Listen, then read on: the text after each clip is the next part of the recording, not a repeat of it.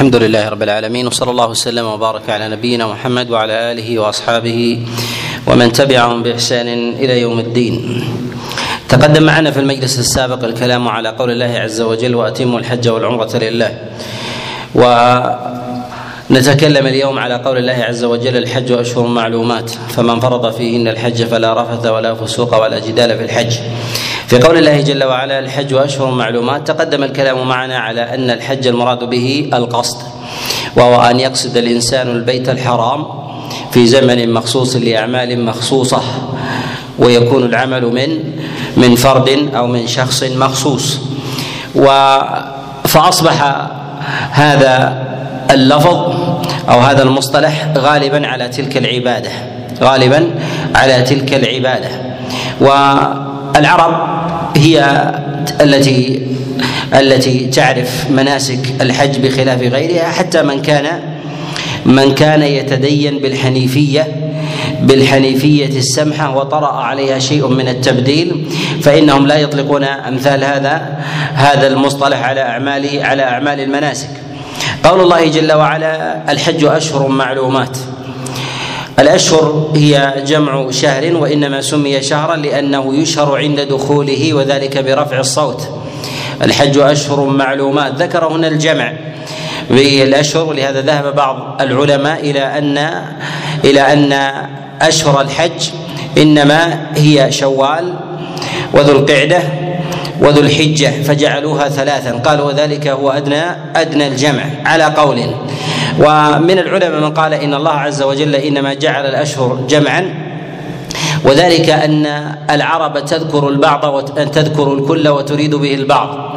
وذهب جمهور العلماء إلى أن أشهر الحج إنما هي شوال وذو القعدة وذو وعشر من ذي الحجة. العشر الأول من ذي الحجة. ذهب إلى هذا الجماهير. وهو قول عبد الله بن مسعود كما رواه. كما رواه ابن جرير الطبري وكذلك ابن أبي شيبة من حديث أبي الأحوص عن عبد الله بن مسعود من حديث أبي الأحوص عن عبد الله بن مسعود عليه رضوان الله أنه قال أشهر الحج هي شوال وذو القعدة وعشر من ذي الحجة. وجاء هذا أيضا عن عبد الله بن عباس عليه رضوان الله كما رواه مقسم عن عبد الله بن عباس. وجاء أيضا عن عبد الله بن عمر كما رواه البيهقي وغيره من حديث نافع عن عبد الله بن عمر عليه رضوان الله.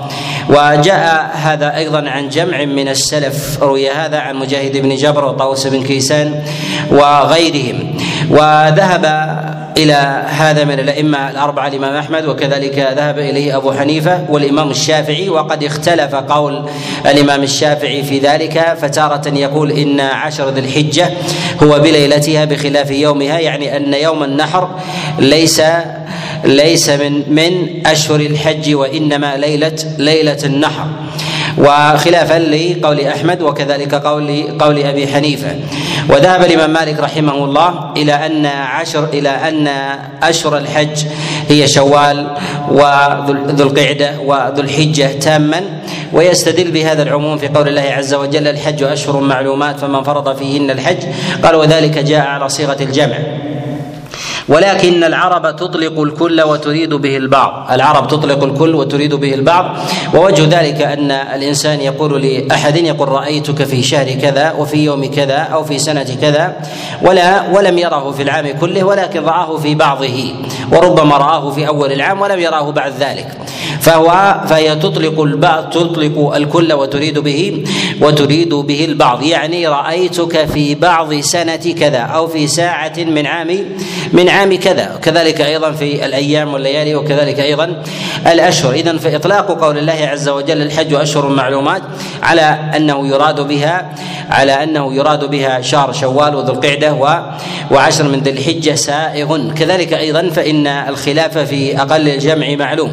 الخلاف في أقل الجمع. معلوم وهي على كلا الوجهين. سائغة بقول بقولنا أن أشهر الحج هي على ما تقدم وأن شهر الحجه ليس ليس بتام وهذا الذي عليه الجماهير. ثم أيضا من وجوه من وجوه الترجيح أن بعض إطلاقات المفسرين في قولهم إن أشهر الحج إن اشهر الحج هي شوال وذو القعده وذو الحجه تاما ولا يفصلون. نقول إن في إطلاقهم ذلك أن أنه معلوم مستقر في الأذهان أن ذا الحجه ليس بتام وإنما هو وإنما هو عشر منه وإنما هو عشر منه. فلما كان مستقرا أطلقوا هذا وهذا جاء عن جاء الإطلاق هذا عن عطاء بن أبي رباح وكذلك طاووس بن كيسان وجاء عن عمرو بن شرحيل الشعبي ومجاهد بن جبر وغيرهم. ويؤيد هذا ويؤكده أن مجاهد بن جبر وهو من أئمة التفسير جاء عنه مرة أنه قال عشر ذي الحجة ومرة قال قال ذو الحجة يعني تاما فجعلها الأشهر الثلاثة ما يدل على أنه يطلق تارة ويقيد ويقيد أخرى. وأن بعض الإطلاقات في كلام بعض المفسرين فإنهم لا يريدون بذلك لا يريدون بذلك الشهر تاما. ثم أيضا إن الحج بعد فوات عرفة لا يمكن أن يستدرك بخلاف بخلاف غيره فالإنسان إذا فاته اليوم التاسع لا يمكن أن يكون له حج. لا يمكن أن يكون له حج. أما بالنسبة لأعمال النحر فالإنسان يستطيع أن يؤخر الذبح إلى اليوم الحادي عشر إلى الثاني عشر إلى الثالث عشر. أما بالنسبة للوقوف بعرفة فإنه ينتهي بذلك ينتهي بذلك العمل. لا يجوز التقديم ولا يجوز في ذلك التأخير. ولهذا يقول يقول النبي صلى الله عليه وسلم الحج الحج عرفة. يعني أن الإنسان إذا فاته ذلك اليوم لم يكن مؤديا للنسك ولا قاضيا ولا قاضيا له. ولهذا العلماء يقولون إن إن أشهر الحج إنما هي تنتهي بعشر بعشر ذي الحجة ولا يكون ذي الحجة تاما. كذلك أيضا فإن من يقول بعشر ذي بأن ذا الحجة تاما فإنه يلزمه في ذلك ان يجعل المعتمر بعد عشر ذي الحجة ليأتي بالعمرة بعد الوقوف بعرفة أنه متمتع أنه متمتع. ولو كان بسفرة بسفرة واحدة ولا يقولون بذلك. والمترجع عند عامة العلماء ولا يعلم في ذلك خلافا عند السلف على أن من جاء بالعمرة بعد الحج ولو كان في سفرة واحدة أنه لا يجب عليه الهدي. لا يجب عليه هدي التمتع ولا يسمى متمتعا ولا يسمى أيضا أيضا قارنا. وإنما جاء بالعمرة جاء بالعمرة بعد الحج وهي منفصلة منفصلة عنه. والمتمتع هو الذي يأتي بالعمرة قبل الحج. وإذا قلنا إن أشهر الحج منها ذو الحجة تام فيلزم من ذلك أن من جاء بالعمرة بعد من جاء بالعمرة بعد يوم النحر بعد يوم عرفة فإنه متمتع ويجب عليه ويجب عليه الهدي. ولكن الذين يقولون بتمام شهر ذي الحجة لا يقولون لا يقولون بهذا بهذا القول ولا يلتزمون ولا يلتزمون به. والالتزام فيه هو في بعض في بعض الصور من جهة تعظيم الأعمال كذلك أيضا إرجاء إرجاء بعض العبادات وتأخيرها. قالوا إنه يكون قد أخرها إلى إلى ما إلى آخر أيام أيام الحج وأشهره. وذلك مثلا في مسألة في مسألة طواف الإفاضة. طواف الإفاضة كذلك أيضا الهدي. من العلماء من يقول إنه يتأكد في أيام الذبح وهي أيام التشريق ولكن إذا أخرها عن أيام الحج عن أيام أيام الحج وهو قول الامام مالك إلى ما بعد شهر ذي الحجة فانه فان فإنه في ذلك ارتكب محظورا ويجب عليه دم آخر.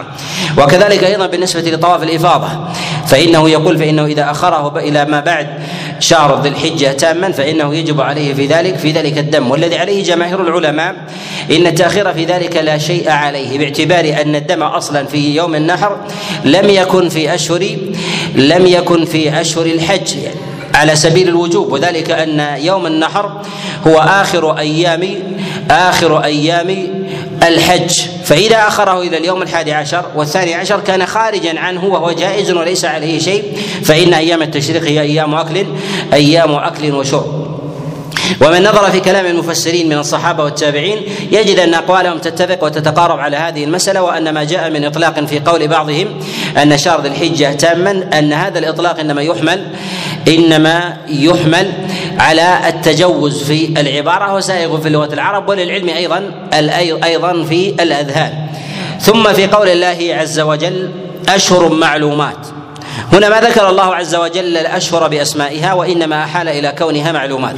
وفي هذا إشارة إلى شيء من البلاغة وهو ان أن ما كان معلوما مستقرا في الأذهان لا تثقل المسامع بذكره. لا تثقل المسامع بذكره وإنما يحال إليه. فإذا أمن من ذلك اللبس أمن اللبس وكذلك أيضا ما استقر عليه ما استقر في الاذهان عليه الناس قولا وكذلك اعتقادا وعملوا به ولم يكن في غلبة الظن أن يطرأ عليه لبس فإن الإنسان يحيل إليه فلا يثقل المسامع فلا يثقل المسامع بذكره. وهذا وهذا من من إحكام القرآن وكذلك بلاغته. كذلك أيضا فإن هذا معلوم حتى في أساليب العرب وطرائقهم فإنهم لا يذكرون ما كان معلوما ما كان معلوما مستقرا مشتهرا. فأحال الله عز وجل إلى علم الناس إلى علم الناس بها الحج أشهر معلومات. ومعلومات هي هي صفة للأشهر وأحال إلى هذه الصفة من غير ذكر من غير ذكر ذكر العدد. ثم قال الله عز وجل فمن فرض فيهن الحج. الفرض هو الإيجاب. الفرض هو هو للإيجاب ولكن الاجابه هنا يكون من الشخص على نفسه فهو إلزام من الإنسان على نفسه وهذا الإلزام يكون بالدخول بالنسك يكون بالدخول بالنسك وقد جاء جاء تفسير ذلك عن غير واحد من المفسرين كما جاء هذا عن عبد الله بن مسعود عليه رضوان الله وجاء أيضا عن عبد الله بن عباس وروي عن مجاهد بن جابر وسعيد بن جبير وقتاده أنهم قالوا فمن فرض أي أحرم أو أهل. وجاء هذا عن جماعة أيضا من الفقهاء كسفيان الثوري وغيره. فالمراد بالفرض هنا أن يدخل الإنسان في بالنسك. فإذا دخل في النسك ليس له أن يختار الرجوع ونقض النسك من تلقاء نفسه. ولهذا نقول إن ما كان من من من أعمال البر ما كان من أعمال البر وأنشأه الإنسان فإنه لا يكون في حقه الخيار بنقضه لا يكون له الحق. بنقضه وذلك لقيام قائم الوجوب والإتمام. وذلك لأن الله عز وجل قال في الآية السابقة وأتموا الحج والعمرة لله.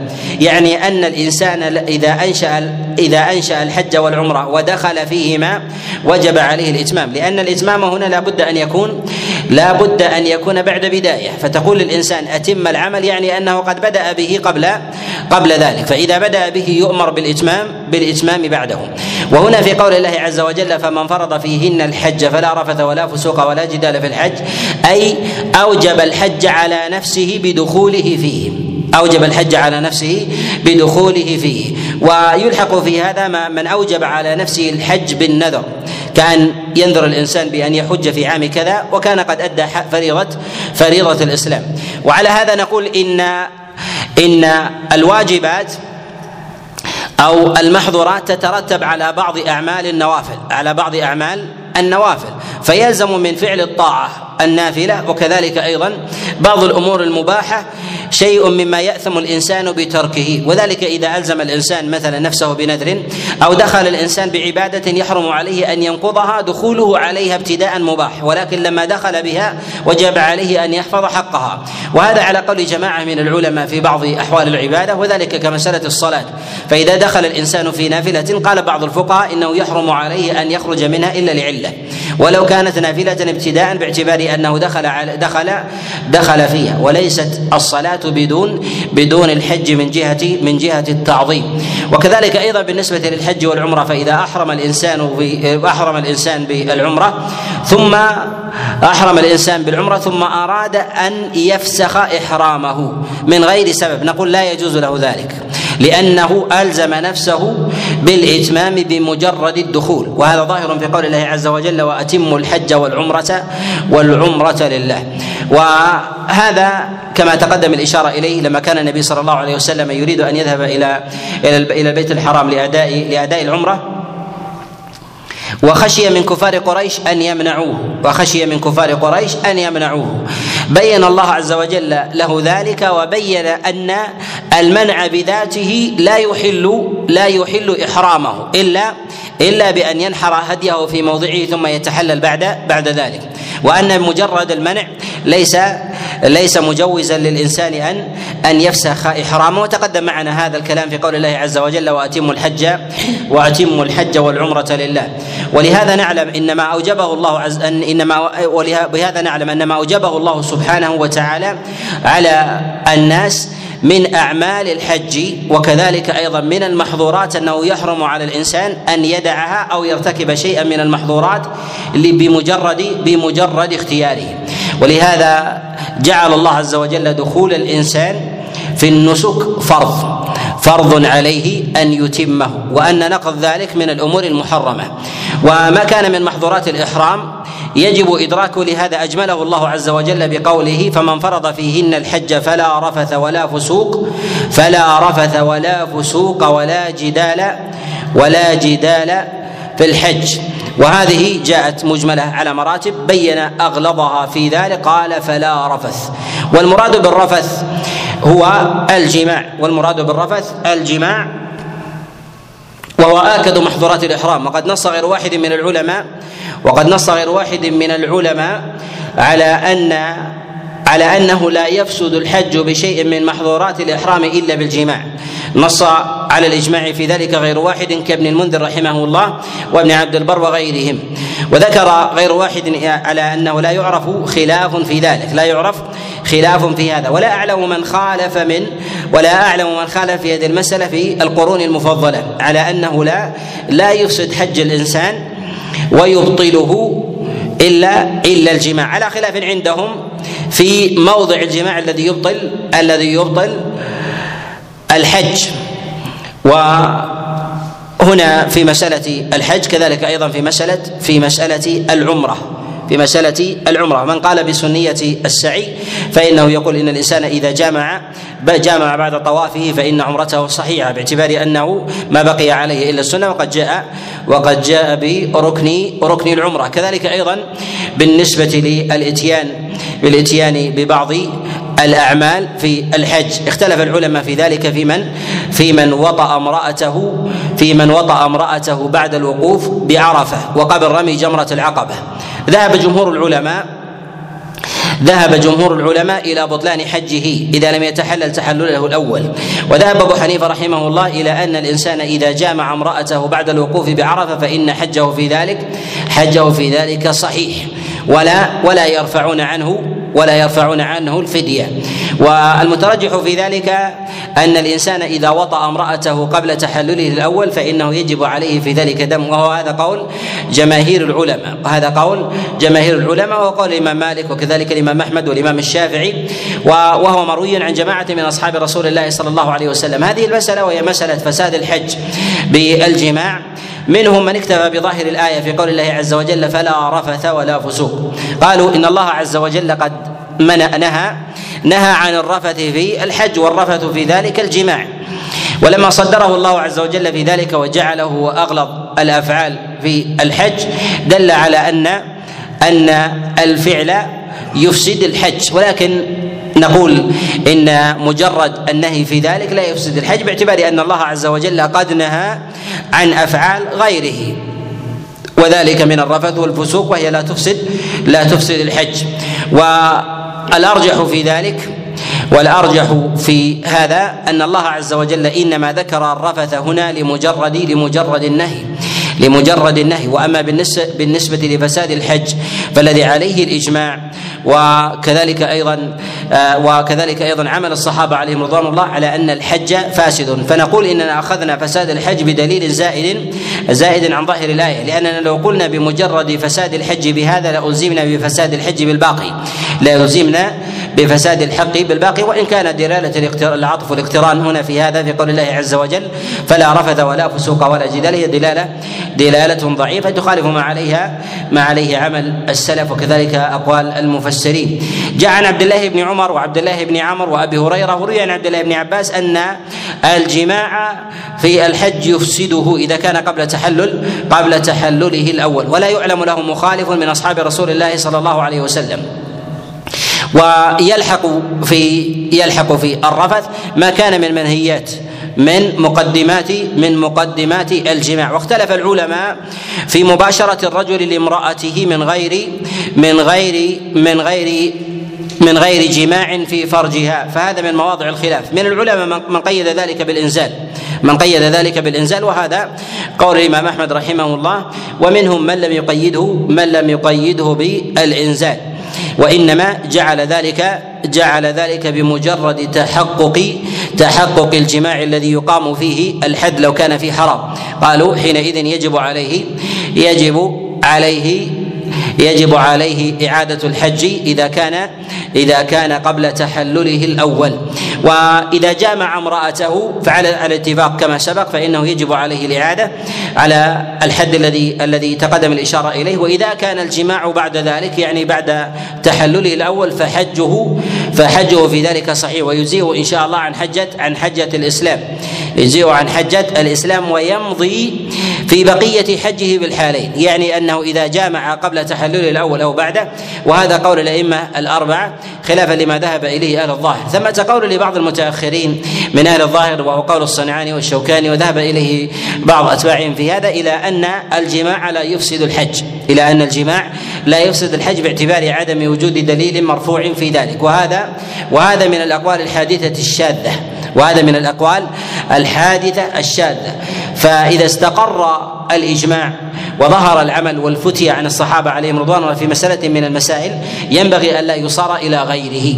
وأن ما استقر العمل عليه من أقوال الصحابة وكذلك أيضا أقوال التابعين وأطبقوا عليه كذلك أيضا من جهة الفتيا أن عدم ورود النص فيه ربما لاشتهاره وربما لاشتهاره واستقراره. فإذا استقر فإن الهمم لا تتداعى على نقل الأدلة في المستقرات.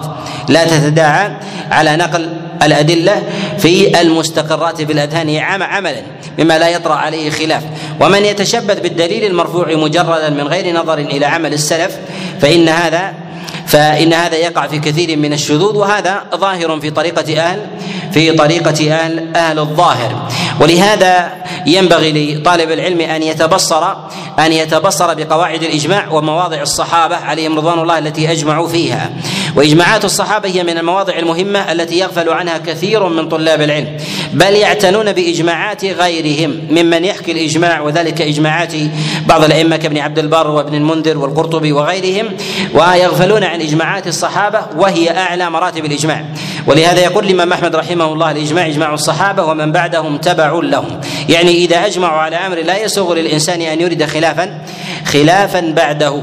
ومواضع إجماع الصحابة ومواضع إجماع الصحابة تلتمس عند أهل السبر والعناية والمعرفة بالأثر والمعرفة بالأثر إما أن تكون عند كبار الفقهاء والعلية من التابعين الذين يعرفون أعمال الصحابة وذلك يوجد في كتب المصنفات كابن أبي شيبة وعبد الرزاق والبيهقي وابن المنذر وابن عبد البر وموطأ الإمام مالك وغيرها من هذه المصنفات التي تشير إلى عمل تشير إلى عمل الصحابة كذلك أيضا في مدونات التفسير التي تعتني بعمل الصحابة.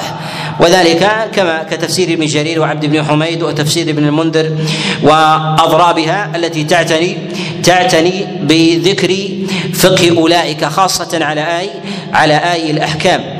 والعناية بذلك وجمعه مع اهتمامه مما مما يفقد. ولا أعلم كتابا قد جمع فيه جمع فيه جمع فيه إجماعات الصحابة عليهم رضوان الله إلى يومنا. مع العناية بإجماعات التابعين والعناية باجماع إجماعات أتباع التابعين وهي وهي ميسورة. وقد تيسر لي بعون الله عز وجل وتوفيقه جمع حوالي 300 إجماع للصحابة عليهم رضوان الله في ابواب في أبواب الفقه. منها ما يحكيها تابعون ومنها ما يحكيها أتباع التابعين ومنها ما يحكيه بعض الأئمة ممن له عناية بالأثر وهي تتباين من جهة قوتها وضعفها من جهة تحقق صدق الناقل وتحريره وتحريره لها, لها منها ما يكون دقيقا وهو الأغلب ومنها ما يكون دون دون ذلك. لهذا نقول إن طالب العلم إذا أراد أن يلتمس مواضع الإجماع وأن يكون أيضا متبصرا بمواضع الخلاف الذي يصار إليه والخلاف الشاذ أن يكون من أهل التبصر بمواضع الإجماع على الترتيب. فمع تبصره بالنص يتبصر أيضا بأقوال الصحابة اجماعا كذلك التابعين كذلك أتباع التابعين ثم ثم ينظر في ذلك مواضع الخلاف فيعرف المواضع الشاذة من غيرها. وثمة إجماعات للصحابة عليهم رضوان الله في مسائل لم يحكى فيها إجماع فنشأ خلاف بعدها. فنشأ خلاف بعدها عن غير علم عن غير علم بها. وهذا وهذا يوجد في بعض في بعض المسائل. وذلك كإجماعهم وذلك كإجماعهم على استحباب وذلك كإجماعهم على استحباب الترديد خلف المؤذن وكذلك الصلاة الصلاة في المقابر على الجنازة. فهذا موضع إجماع. عندهم والخلاف إنما طرأ والخلاف إنما طرأ بعد ذلك. ثم تشعب وأصبح المتأخرون يحكون الخلاف ويقولون في المسألة في المسألة قولان. وإنما فيها قول واحد لهم لهم قول واحد في ذلك مشهور. وأما ما يحكيه الفقهاء مثلا في مسألة الترديد خلف المؤذن أنه على الوجوب أو على الاستحباب هذا قول حادث هذا قول حادث. كذلك أيضا في مسألة النهي عن الصلاة في المقابر هذا من الأقوال الحادثة. ومن سبر أحواله فيجد أن المسألة هي من مسائل من مسائل الإجماع. وإذا نظر الإنسان في في أقوال الصحابة ثم في أقوال التابعين ثم في أقوال من جاء بعدهم على سبيل التدرج فإن ذلك يعطيه هيبة لأقوال من سبق ويضعف أقوال من تأخر عنده. وذلك أن النبي صلى الله عليه وسلم إنما جعل الهيبة والخيرية في في القرون الأولى كما قال عليه الصلاة والسلام كما جاء في الصحيح من حديث عمران قال خير القرون خير القرون قرني ثم الذين ثم الذين يلونهم. ثم في قول الله عز وجل فمن فرض فيهن الحج. هنا قال فيهن أي الإنسان عقد الحج فيهن.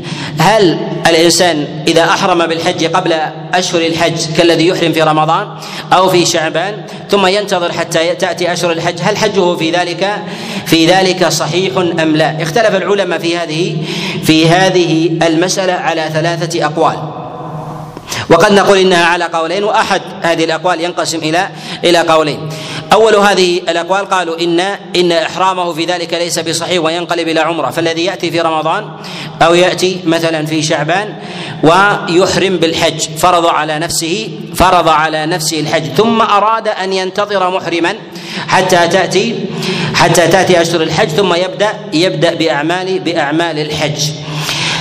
من العلماء من قال بأن الحج أن الإحرام ينقلب إلى إلى عمرة ولا يكون حجا باعتبار عدم انعقاده فيه لمخالفة لظاهر الآية في قول الله عز وجل فمن فرض فيهن الحج فلا رفث ولا فسوق ولا جدال ولا جدال في الحج. وهنا كرر في قوله فمن فرض فيهن الحج وأعاد بعد ذلك في الحج يعني أن الحج لا يكون متحققا إلا في هذه إلا في هذه الأشهر. وهذا قول الإمام الشافعي وقال به عطاء بن أبي رباح. وذهب وهو القول الثاني قالوا إن إحرامه في ذلك صحيح. شريطة ألا يقع شيء من أعمال الحج إلا في أشهره. شيء من أعمال الحج الا إلا في أشهره. وعللوا ذلك قالوا إن الله عز وجل يقول فمن فرض فيهن الحج فلا رفث. فإذا قلنا بأن المنهيات ترتبط بأشهر الحج فعلى هذا أن من أحرم في غير اشهر في غير أشهر الحج وانقلب إحرامه إلى عمرة أنه يسوغ له أن يقع في شيء من المحظورات. نقول هذا لا يقولون به هم أيضا ولكن ينقلون عمله من حج إلى من حج إلى إلى عمرة. والذي يظهر والله أعلم أن الإنسان إذا عقد إحرامه إذا عقد إحرامه قبل أشهر الحج فإن إحرامه ينقلب إلى عمرة ينقلب إلى إلى عمرة. ثم بعد ذلك إذا دخلت أشهر الحج ينشئ إحراما إحراما جديدا جديدا لحجه. قال الله عز وجل هنا فلا رفث. تقدم الإشارة إلى أن الرفث مراد به الجماع. هنا وهذا هو اتفاق المفسرين في هذا على اختلاف عباراتهم. منهم من يدخل في الرفث غير الجماع ولكن يتفقون على أن أولى ما يدخل في هذا المعنى هو الجماع ومنهم من يدخل فيه غيره. يدخل في هذا المعنى وهذا ليس من خلاف التضاد وإنما هو من خلاف التنوع. بمعنى أن من يتكلم في من يتكلم في الرفث ويقول هو مقدمات الجماع أو مداعبة الرجل لزوجته أو مباشرة الرجل لزوجته فإنه يدخل ابتداء من باب أولى الجماع فإنه يدخل من باب أولى الجماع فهو أدخله ثم أدخل غيره. وغيره حينما يدخل الرفث لا يعني أنه يسقط غيره ولكن من أدخل غيره فيه يعني في الرفث قد توسع في هذا المعنى وذاك اكتفى واقتصر ببعض ببعض معانيه. ومنهم من يجعل الفسوق هو مقدمات الجماع ويجعل الرفث هو الجماع. وجاء عند عامة المفسرين من الصحابة عليهم رضوان الله وغيرهم على أن الرفث هو الجماع. روي هذا عن عبد الله بن عباس وعبد الله بن عمر وكذلك عبد الله بن مسعود وعبد الله بن عمر وغيرهم من أصحاب رسول الله صلى الله عليه وسلم. المراد بذلك هو هو الجماع. وأما بالنسبة لمقدماته فهو مداعبة الرجل لزوجته. كذلك أيضا تحدث الرجل برغبته بزوجته فهذا من محظورات الإحرام فهذا من محظورات الإحرام. جاء عن بعض السلف التفريق بين حديث الرجل عند زوجته بمقدمات الجماع الجماع بما يثير الشهوة وبحديثه عن مقدمات الجماع عند غيرها. فرق بين هذا وهذا عبد الله بن عباس عليه رضوان الله كما جاء عند ابن جرير الطبري من حديث أبي حصين بن قيس عن عبد الله بن عباس عليه رضوان الله أنه فرق بين هذا وهذا وجاء عنه من غير وجه هذا المعنى وروي هذا أيضا عن جماعة من المفسرين ومنهم من لم يفرق بين هذا المعنى بين بين مقدمات الجماع والحديث والغزل بالنساء سواء كان سواء كان عند زوجته أو عند أو عند غيرها فجعلوا ذلك من محظورات فجعلوا ذلك من محظورات الإحرام. والذي يظهر والله أعلم أن الإنسان إذا كان يتحدث بذلك عند زوجه فهذا من المحظورات وإذا كان عند عند غيرها فهذا ليس ليس من من المحظورات. وفي قول الله عز وجل ولا فسوق. الفسوق في لغة العرب هو الخروج عن الشيء. فسق الإنسان إذا خرج إما عن طاعتنا أو عن غيرها أو عن الحدود التي ضبطت عليه. ولهذا يقال فسقت الرطبه إذا خرجت من قشرها والنواة إذا خرجت من الثمرة. كذلك الإنسان فسق إذا خرج من الطاعة. ثم غلب في استعمال ذلك ثم غلب استعمال ذلك على المصطلح الشرعي فأصبح الفاسق هو الذي الذي يسرف على نفسه بالمعاصي. وأما بالنسبة للفسق فيطلق على على العمل. ولا يسمى الإنسان فاسقا فيطلق عليه فيقال فاسق وهو وهو اسم فاعل لا يطلق عليه ذلك اذا إلا إذا كان إذا كان مصرا على صغيرة أو قد فعل أو فعل كبيرة. مصرا على صغيرة أو فعل أو فعل كبيرة. ومن العلماء من قال إن المراد بالفسوق هنا هو مخالفة أمر الله عز وجل بارتكاب المحظورات التي نهى الله عز وجل المحرم المحرم عنها. والمحظورات في الحج منها والمحرمات هنا في قوله ولا فسوق منها محرمات أبدية ومنها محرمات أمدية. يعني محرمات إلى إلى الأبد تحرم على الإنسان في هذا الموضع وفي غيره. فإذا فعلها الإنسان قد خرم حجه في ذلك. وذلك كالكذب والغيبة والنميمة وشهادة الزور وغير ذلك فهذا من الفسوق. فهذا من الفسوق. ولكنه يتأكد هنا ويحرم عليه زيادة. وأما بالنسبة المحرمات إلى أمد يعني إلى مدة معينة وهو ما لم يتحلل الإنسان وهذا مما حرمه الله عز وجل على على الإنسان. وذلك مثل الصيد أن يتناول الإنسان من شعره وبشره لبس المخيط تغطية الرأس وتغطية الوجه على قول بعض الفقهاء وغير ذلك من محظورات الإحرام لبس المرأة لنقابها وكذلك قفازيها وغير ذلك من محظورات من محظورات الإحرام. فهذه محرمات على المحرم إلى أمد إلى أمد محدود وكلها داخلة في الفسوق الذي نهى الله عز وجل نهى الله عز وجل عنه في في هذا في هذا الموضع. وإنما نهى الله عز وجل عن الفسوق بلفظ الإجمال. نهى الله عز وجل عن الفسوق هنا بلفظ الإجمال لأن عبادة الحج من أدق العبادات من أدق العبادات أثرا للمعصية فيها فتؤثر المعصية فيها وتخدشها وتخريمها وهذا يدخل في ذلك كل ما كان ما كان أعلى أعلى منها. وننظر في مسألة الحج موضع الخلاف عند العلماء. هل الحج يأتي بعد الصيام مرتبة أو أن الصيام قبل ذلك؟ جاء في حديث عبد الله بن عمر جاء في حديث عبد الله بن عمر في الصحيحين وغيرهما أن النبي عليه الصلاة والسلام قال بني الإسلام على خمس شهاده أن لا إله إلا الله وأن محمد رسول الله وإقام الصلاة وإيتاء الزكاة وصوم رمضان وحج البيت. جاء في رواية وحج البيت وصوم رمضان وهي في الصحيح أيضا. وقدم قدم الحج على على الصيام. والأشهر في ذلك هو تقديم الصيام على على الحج. والذي عليه أكثر العلماء على أن الصيام آكد آكد من الحج آكد من الحج في الشريعة. وهذا لعدة لعدة قرائن منها تقديمه في الروايات الأشهر والأصح في ذلك ومنها أيضا أنه جاء في روايات في روايات لم يقع فيها اضطراب وذلك كحديث أبي هريرة وحديث عبد الله بن عمر. في قول النبي عليه الصلاة والسلام لما سأله جبريل عن الإسلام فقال شهادة لا ان تشهد لا إله إلا الله محمد رسول الله وتقيم الصلاة وتؤتي الزكاة وصوم رمضان وتحج البيت إن استطعت إليه إليه سبيلا. فجاءت على الترتيب في سائر في سائر الروايات. وكذلك أيضا قالوا إن العبادة قالوا إن العبادة كلما أمر بها الشارع أكثر من غيرها عملا وأداء في الزمن فإنها أعظم من غيرها. فرمضان أكثر فإنه يجب على الإنسان في كل حول يجب على الإنسان في كل حول. أما بالنسبة للحج فيجب على الإنسان في عمره في عمره مرة. والصلاة دون دون ذلك تجب على الإنسان في كل في كل يوم. وهذا قالوا من قرائن من قرائن تفضيل وتأكيد الحج على تأكيد الصيام على على الحج. ونقول كل كل شيء جاء بتهييب المعصية فيه فإنه يكون من باب أولى ما هو أفضل أفضل منه. ولم يأتي ذلك في أمر الصلاة باعتبار أن الصلاة ليس فيها ليست من مواضع من مواضع العمل وإنما هي من مواضع من مواضع العبادة. يحرم على الإنسان أن أن يتصرف وأن يتحدث أن يتحدث فيها فكان تحريمها من التكبير سياج أن يتحدث الإنسان أو يقول أو يقول شيئا. ولهذا لم ترد أدلة كثيرة في ذلك بخرم الإنسان لها وإنما بتحريم بتحريم ما يفسدها من غير من غير سبب. وكذلك أيضا في مسألة الصيام وذلك ما جاء في حديث أبي هريرة في قول رسول الله صلى الله عليه وسلم قال من لم يدع قول الزور ومن لم يدع قول الزور والجهل والعمل به فليس لله حاجة بأن يدع طعامه وشرابه. وغير ذلك من الأدلة التي تدل على تأكيد ترك أعمال أعمال السوء في الصيام مع أنه يحرم على الإنسان أن يشهد الزور وأن يجهل وأن يعمل عمل الباطل وغير ذلك في في رمضان ولكنه فيه من باب أو من باب أولى اولى حتى لا يخرم الانسان لا يخرم الإنسان صيامه. ولهذا يقول إبراهيم النخعي كما جاء كما جاء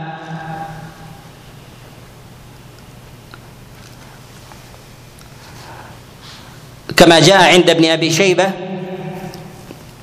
أنه قال كانوا يقولون إن الغيبة تفطر الصائم. وكذلك جاء عند ابن حزم في المحلى من حديث أنس بن مالك أنه قال الغيبة تفطر الصائم. يعني أنها محرمة كلما استكثر منها الإنسان كلما استكثر منها الإنسان خرمت صيامه حتى يصبح بلا يصبح بلا صوم. ولهذا كلما جاءت العبادة متأكدة ينبغي للإنسان أن يبتعد أن يبتعد عن المحظورات فيها. ولهذا لما نهى الله عز وجل عن الفسوق أردفه وأتبعه بالنهي عن الجدال بالنهي عن الجدال لأنه يفضي إليه. وهذا نوع نوع من الورع هو أن يبتعد الإنسان عما عما لا بأس به خشية أن يقع الإنسان فيما فيما به بأس. ولهذا نهى النبي صلى الله عليه وسلم عن نهى الله عز وجل عن الجدال وهو أن يخاصم الإنسان غيره ولو كانت خصومة أصلها مباح ولكنه يفضي إلى يفضي إلى الغضب. وما أفضى إلى الغضب فهو الجدال. ما أفضى إلى الغضب فهو الجدال. وقد فسره بذلك غير واحد من المفسرين كما جاء ذلك عن عبد الله بن مسعود وجاء أيضا عن عبد الله بن عباس. قال أن يخاصم صاحبه حتى يغضب أو يخاصم صاحبه حتى حتى يغضبه. فإذا أغضبه جاء من ذلك السباب والشتم واللعن وانتقل من الجدال إلى وانتقل من الجدال إلى إلى الفسوق.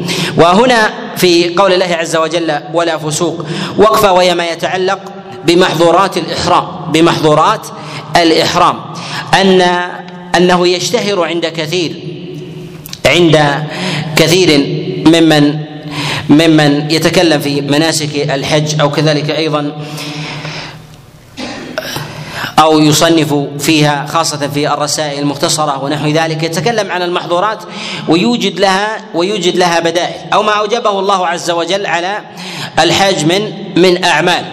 ما يجبه الله عز وجل من المبيت بمنى أو رمي الجمار أو أو غيرها فتجد أنه يقول يجب يجب عليك في ذلك يجب عليك في ذلك في ذلك دم. وكأنه جعل ذلك ذلك بديلا بديلا له. نقول هذا ليس بديلا له بل لو فعله لفسق ولم يكن حجه مبرورا. ولم يكن الحج في ذلك مبرورا.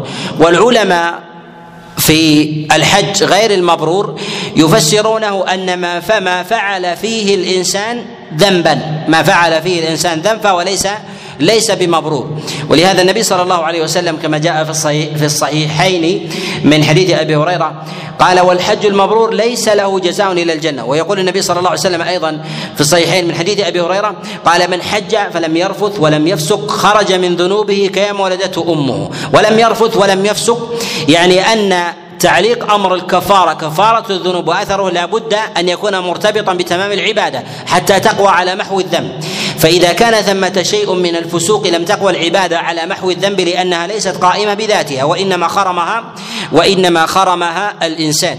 ولهذا نقول إن محظورات الإحرام التي يرتكبها الإنسان هذا نوع من الفسوق وأن إتيان الإنسان بشيء من الكفارة وأن إتيان الإنسان بشيء من من الكفارة هذا لا يجزئه إلا إذا كان إذا كان يقع في المحظور معذورا يقع في المحظور معذورا كمن به مثلا اذى برأسه كحل كعب بن عجرة ونحو ذلك اضطر للحلق أو به حكه في جسده فيلبس ثيابه أو نحو ذلك والحكه تؤذيه أو غير ذلك من من الأمور التي يحتاج إليها يحتاج إليها الإنسان. أو كمن يغطي رأسه محتاجا محتاجا أو يخشى مثلا من نزول برد أو نحو ذلك فهذا من الأمور من الأمور الجائزة التي لو فعلها لو فعلها الإنسان مضطرا لا حرج عليه.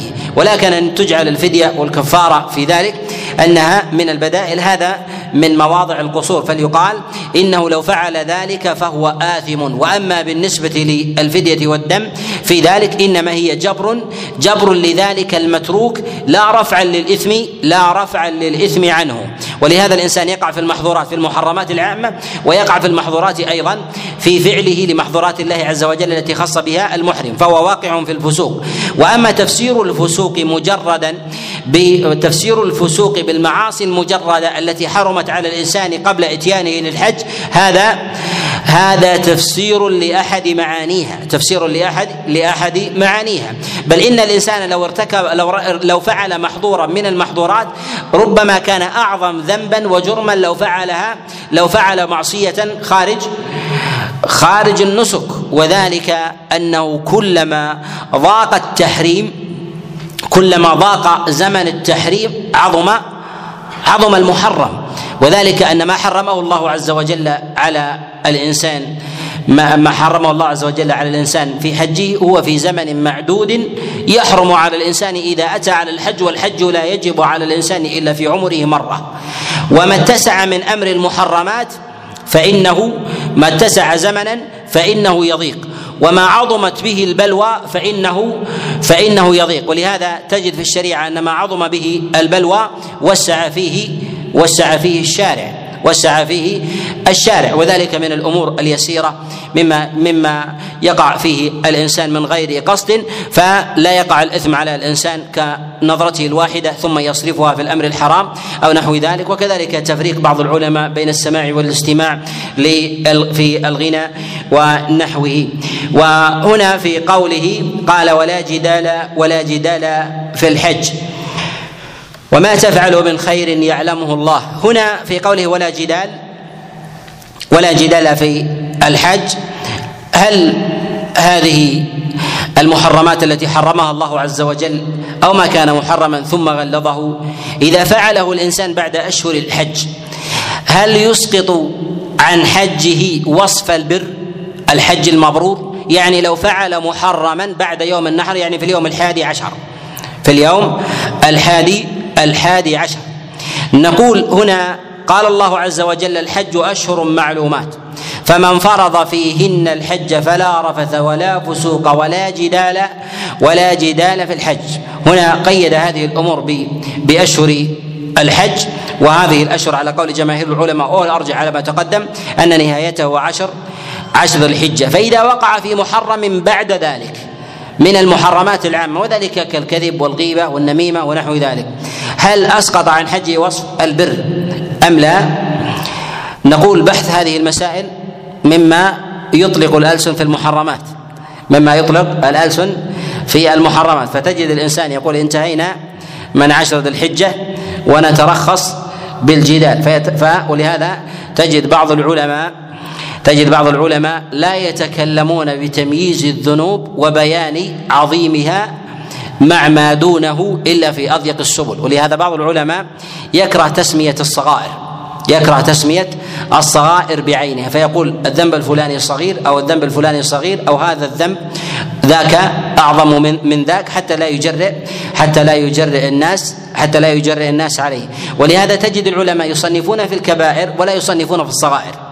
يصنفون في الكبائر ولا يصنفون في الصغائر. لماذا؟ يعني لو صنف الصغائر أخذ الإنسان الكتاب ثم أخذ يتساهل يتساهل فيها يقول هذه صغيرة والصلوات الخمس كفارة لما بينها والجمعة إلى الجمعة ورمضان إلى إلى رمضان. فيقوم بإحصائها عدا وإحصائها عملا. وهذا وهذا لهذا ليست هذه من مباحث ليست هذه من من المباحث عند عند العلماء. قال وما تفعل من خير يعلمه الله. هنا ذكر الخير وعلم الله عز وجل فيه من العباد مما يفعله العباد أي أنه ينبغي للإنسان وهذه إشارة إلى الأليق في حال الإنسان في نسكه أنه ينبغي ينبغي للإنسان في النسك أن يبادر بعمل البر أن يتجاوز أمر المنهيات. أن يتجاوز أمر المنهيات وأن يكون من السابقين إلى عمل البر. فذكر الله عز وجل المنهيات والأليق في حال الإنسان أنه ينبغي في ذلك أن يفعل البر والا يكون منحصرا في في تجاوز المنهيات مجردا بل أن يشغل نفسه في أعمال الطاعات. ولهذا قال الله عز وجل وما تفعل من خير يعلمه الله. ثم ذكر الله عز وجل ما ينبغي للإنسان أن يترقى أن يترقى في قال وتزودوا فإن خير الزاد التقوى. هنا ذكر الله عز وجل الخير على سبيل العموم ثم ذكر الله سبحانه وتعالى بعد ذلك أفضل الخير وهو تقوى تقوى الله عز وجل أنه كلما صعد الإنسان في هذا الباب كان كان أكمل وأولى. ثم ذكر الله عز وجل هنا صفة المخاطبين وهم أولو وهم أولو الألباب. وهم أولو العقول والحجى والعقل الراجح. وما ذكر الله عز وجل ذلك هنا إلا إلا لمعنى لطيف وهو أنه لما كان الخطاب في معرفة مراتب الخير فيما بينها توجه الخطاب إلى أهل العقل. توجه الخطاب إلى إلى أهل العقل. وذلك أن تمييز الخطأ من الصواب يدركه كل أحد. تمييز الخطأ من الصواب والخير من الشر يدركه الناس.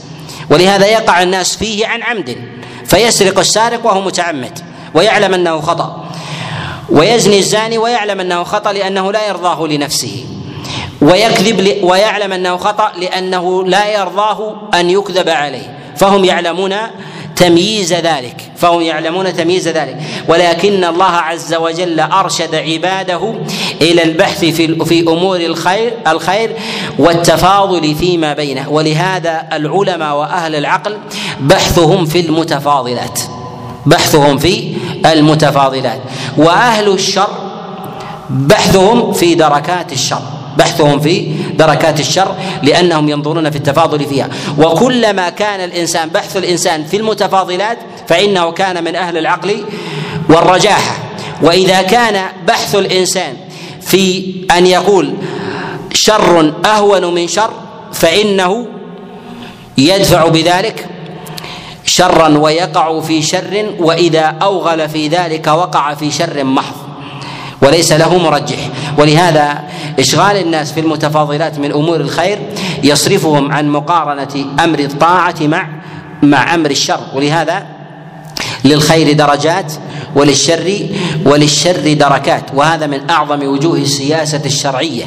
من أعظم وجوه السياسة الشرعية وهو أن الإنسان يضبط درجات الخير فيما بينها ومقياسه في ذلك في الشريعة ثم ينظر في دركات الشر فيما بينها أيها أعظم فإذا وجد شرا دون شر يستطيع يعرف أن يميز أن يقدم هذا على هذا ثم يفرق في داخل الشر بين شر لازم وشر عارض وشر فرد وشر جماعة وشر الفرد الأعظم أعظم أهون من شر جماعة دائم ولو كان صغيرا ثم ينظر أيضا في تزاحم الأمرين بين مرتبة خير ودركة شر درجة خير خير ودركة شر إذا اجتمع أين مرتبة هذا الخير من هذا الشر؟ فهل له أن يحقق خيرا عظيما بالتماس شر شر قليل معه؟ ينظر في أمور المتراتبات ثم ينظر إذا كان في دركة الشر تلك ذلك تلك السيئة في آخره ويرى أن مرتبة الخير هي في آخر في في آخره. لا يمكن أن يجعل تحقيق الخير في شر في شر عظيم. ولهذا المسألة عكسية المسألة عكسية في أمر الخير. كلما كان أمر الخير في أعلاه وأمر الشر في أدناه جاز للإنسان أن يتحقق. وأعظم الأمور المشكلة وهي مسألة الوسط. ان الإنسان يريد أن يحقق الخير في مسألة الوسط في حق متوسط مع شر متوسط أو حق عظيم مع شر مع شر عظيم أو حق ضئيل مع شر مع شر ضئيل. وهذا هي من مواضع التي يلتمس فيها جوانب أخرى وهي جوانب جوانب الدوام أو العموم. جوانب الدوام أو العموم. معنى الدوام في ذلك هل يدوم المنكر أو لا يدوم؟ يعني هل الخير في ذلك مستديم والشر عارض؟ قد يرتكب الإنسان شرا عارضا لخير مستديم دونه. شر عارض لخير مستديم دونه. لماذا؟ لأن الشر عارض ثم يزول. وليس للإنسان أن يحقق مصلحة عارضة بارتكاب شر دونه مرتبة وهذا الشر يدوم وتلك وذلك الخير عارض ولهذا نقول كلما تجرد الإنسان بمعرفة مراتب الخير ودركات الشر أصاب الحق ودفع حظوظ النفس. ولهذا كثير من الناس يخطئون ويقعون في الخلل في مسائل المقارنات وارتكاب الخير مع الشر وأيهما أولى فيقوم بحظ نفسه ويسيء إلى أمر الله ويسير إلى أمر الله. لأن الحق أو لأن الشر الذي يريد أن يرتكبه هو في ذاته يرجع إلى إلى نفسه لا يرجع لا يرجع إلى الأمة. ولهذا انظروا إلى إلى قول الله عز وجل قال لما قال وما تفعلوا من خير يعلمه الله وتزودوا فإن خير الزاد التقوى. ذكر أمر الخير على سبيل العموم ذكر المراتب التي ينبغي أن البحث فيها وتزودوا فإن خير يعني أفضل هذه الأعمال وتقوى الله. الخطاب يتوجه إلى إلى من؟ إلى أولي أولي الألباب. وهم أصحاب أصحاب العقول. ولهذا نقول دائما إن أهل العلم مباحثهم هي في معرفة في معرفة مراتب الخير وتمييز بعضها عن بعض من جهة التفاضل وكذلك أيضا الشر. كلما كان الإنسان ضيقا في إدراكه نظر إلى سيئة متجردة وما وما نظر إلى ما يقابلها من أمر آخر. وإذا كان الإنسان نظره ضيق نظر إلى باب خير ولم ينظر إلى ما يجلبه ما لا ما يجلبه ذلك الخير من مفاسد. ولهذا نقول كلما كان الإنسان بصيرا بمعرفة الغايات كان أكثر الناس حكمة. أكثر الناس أكثر الناس حكمة. ولهذا من نظر إلى أحوال الإنسان تجد حتى أمورهم في أمور في أمور الدنيا إذا انشغل الإنسان بشيء وأشغل باله وحسه كثيرا تجد أنه من أهل الحكمة في دنياه. تدخل في بعض بيوت الناس تجد أنه نمق منزله تنميقا عجيبا.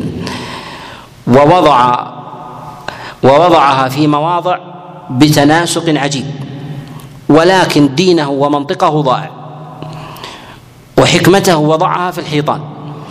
ولو نقل هذه الحكمة إلى دينه لأصبح من أحكم الناس وأعلمهم. ولهذا معرفة المواضع أن يضعها الإنسان يضعها في سياقها. يضعها في سياقها. لهذا تجد الإنسان مثلا يضع الأشياء في في بيته ويضع مثلا شيء معين هو في ذاته ترى أنه نشاز. هذه لا تصلح هنا أنت. لا اراديا تقول هذه تصلح هناك. لماذا؟ ولو كانت ربما بعض الناس يقول هذه لا لا تصلح.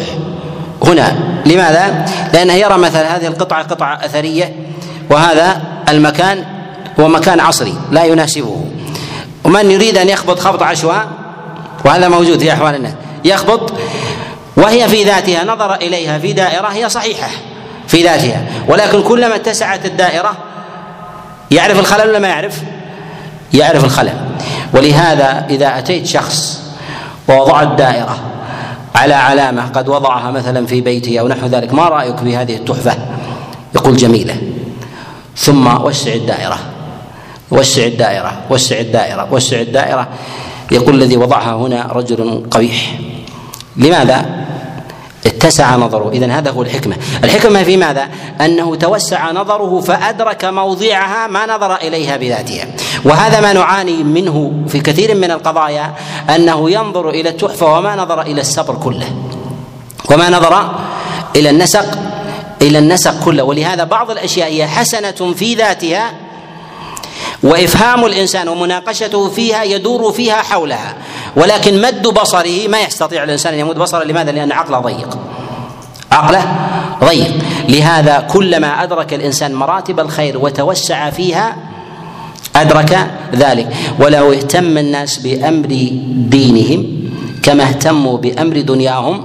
لكفوا كثيرا من أمور الشرور التي فتحها التي فتحها الناس على الأمة بتسويغات أو نظر إلى إلى أشياء إلى أشياء ضيقة. ولهذا نقول الله عز وجل يقول ومن يؤت يؤتي الحكمة من يشاء ومن يؤت الحكمة فقد أوتي خيرا كثيرا. وما يذكر إلا من؟ هؤلاء هم الذين خاطبهم الله عز وجل هنا وهذا دليل على أن الخطاب هنا لأولي الألباب أصحاب الحجى الذين يعرفون يضع المواضع. ينبغي لك أيها الحاج أن لا تفكر في مثلك غادرت الأهل والأوطان تفكر بالفسوق والفجور. عليك أن تفكر بما هو أولى بما هو أولى من ذلك. وهذا لا يمكن أن يتحقق للإنسان إلا بإحصاء بإحصاء الخير. فيسعى إلى ما هو أولى منه. لهذا العلماء يفوقون غيرهم بالثواب عند الله والمنزله لماذا؟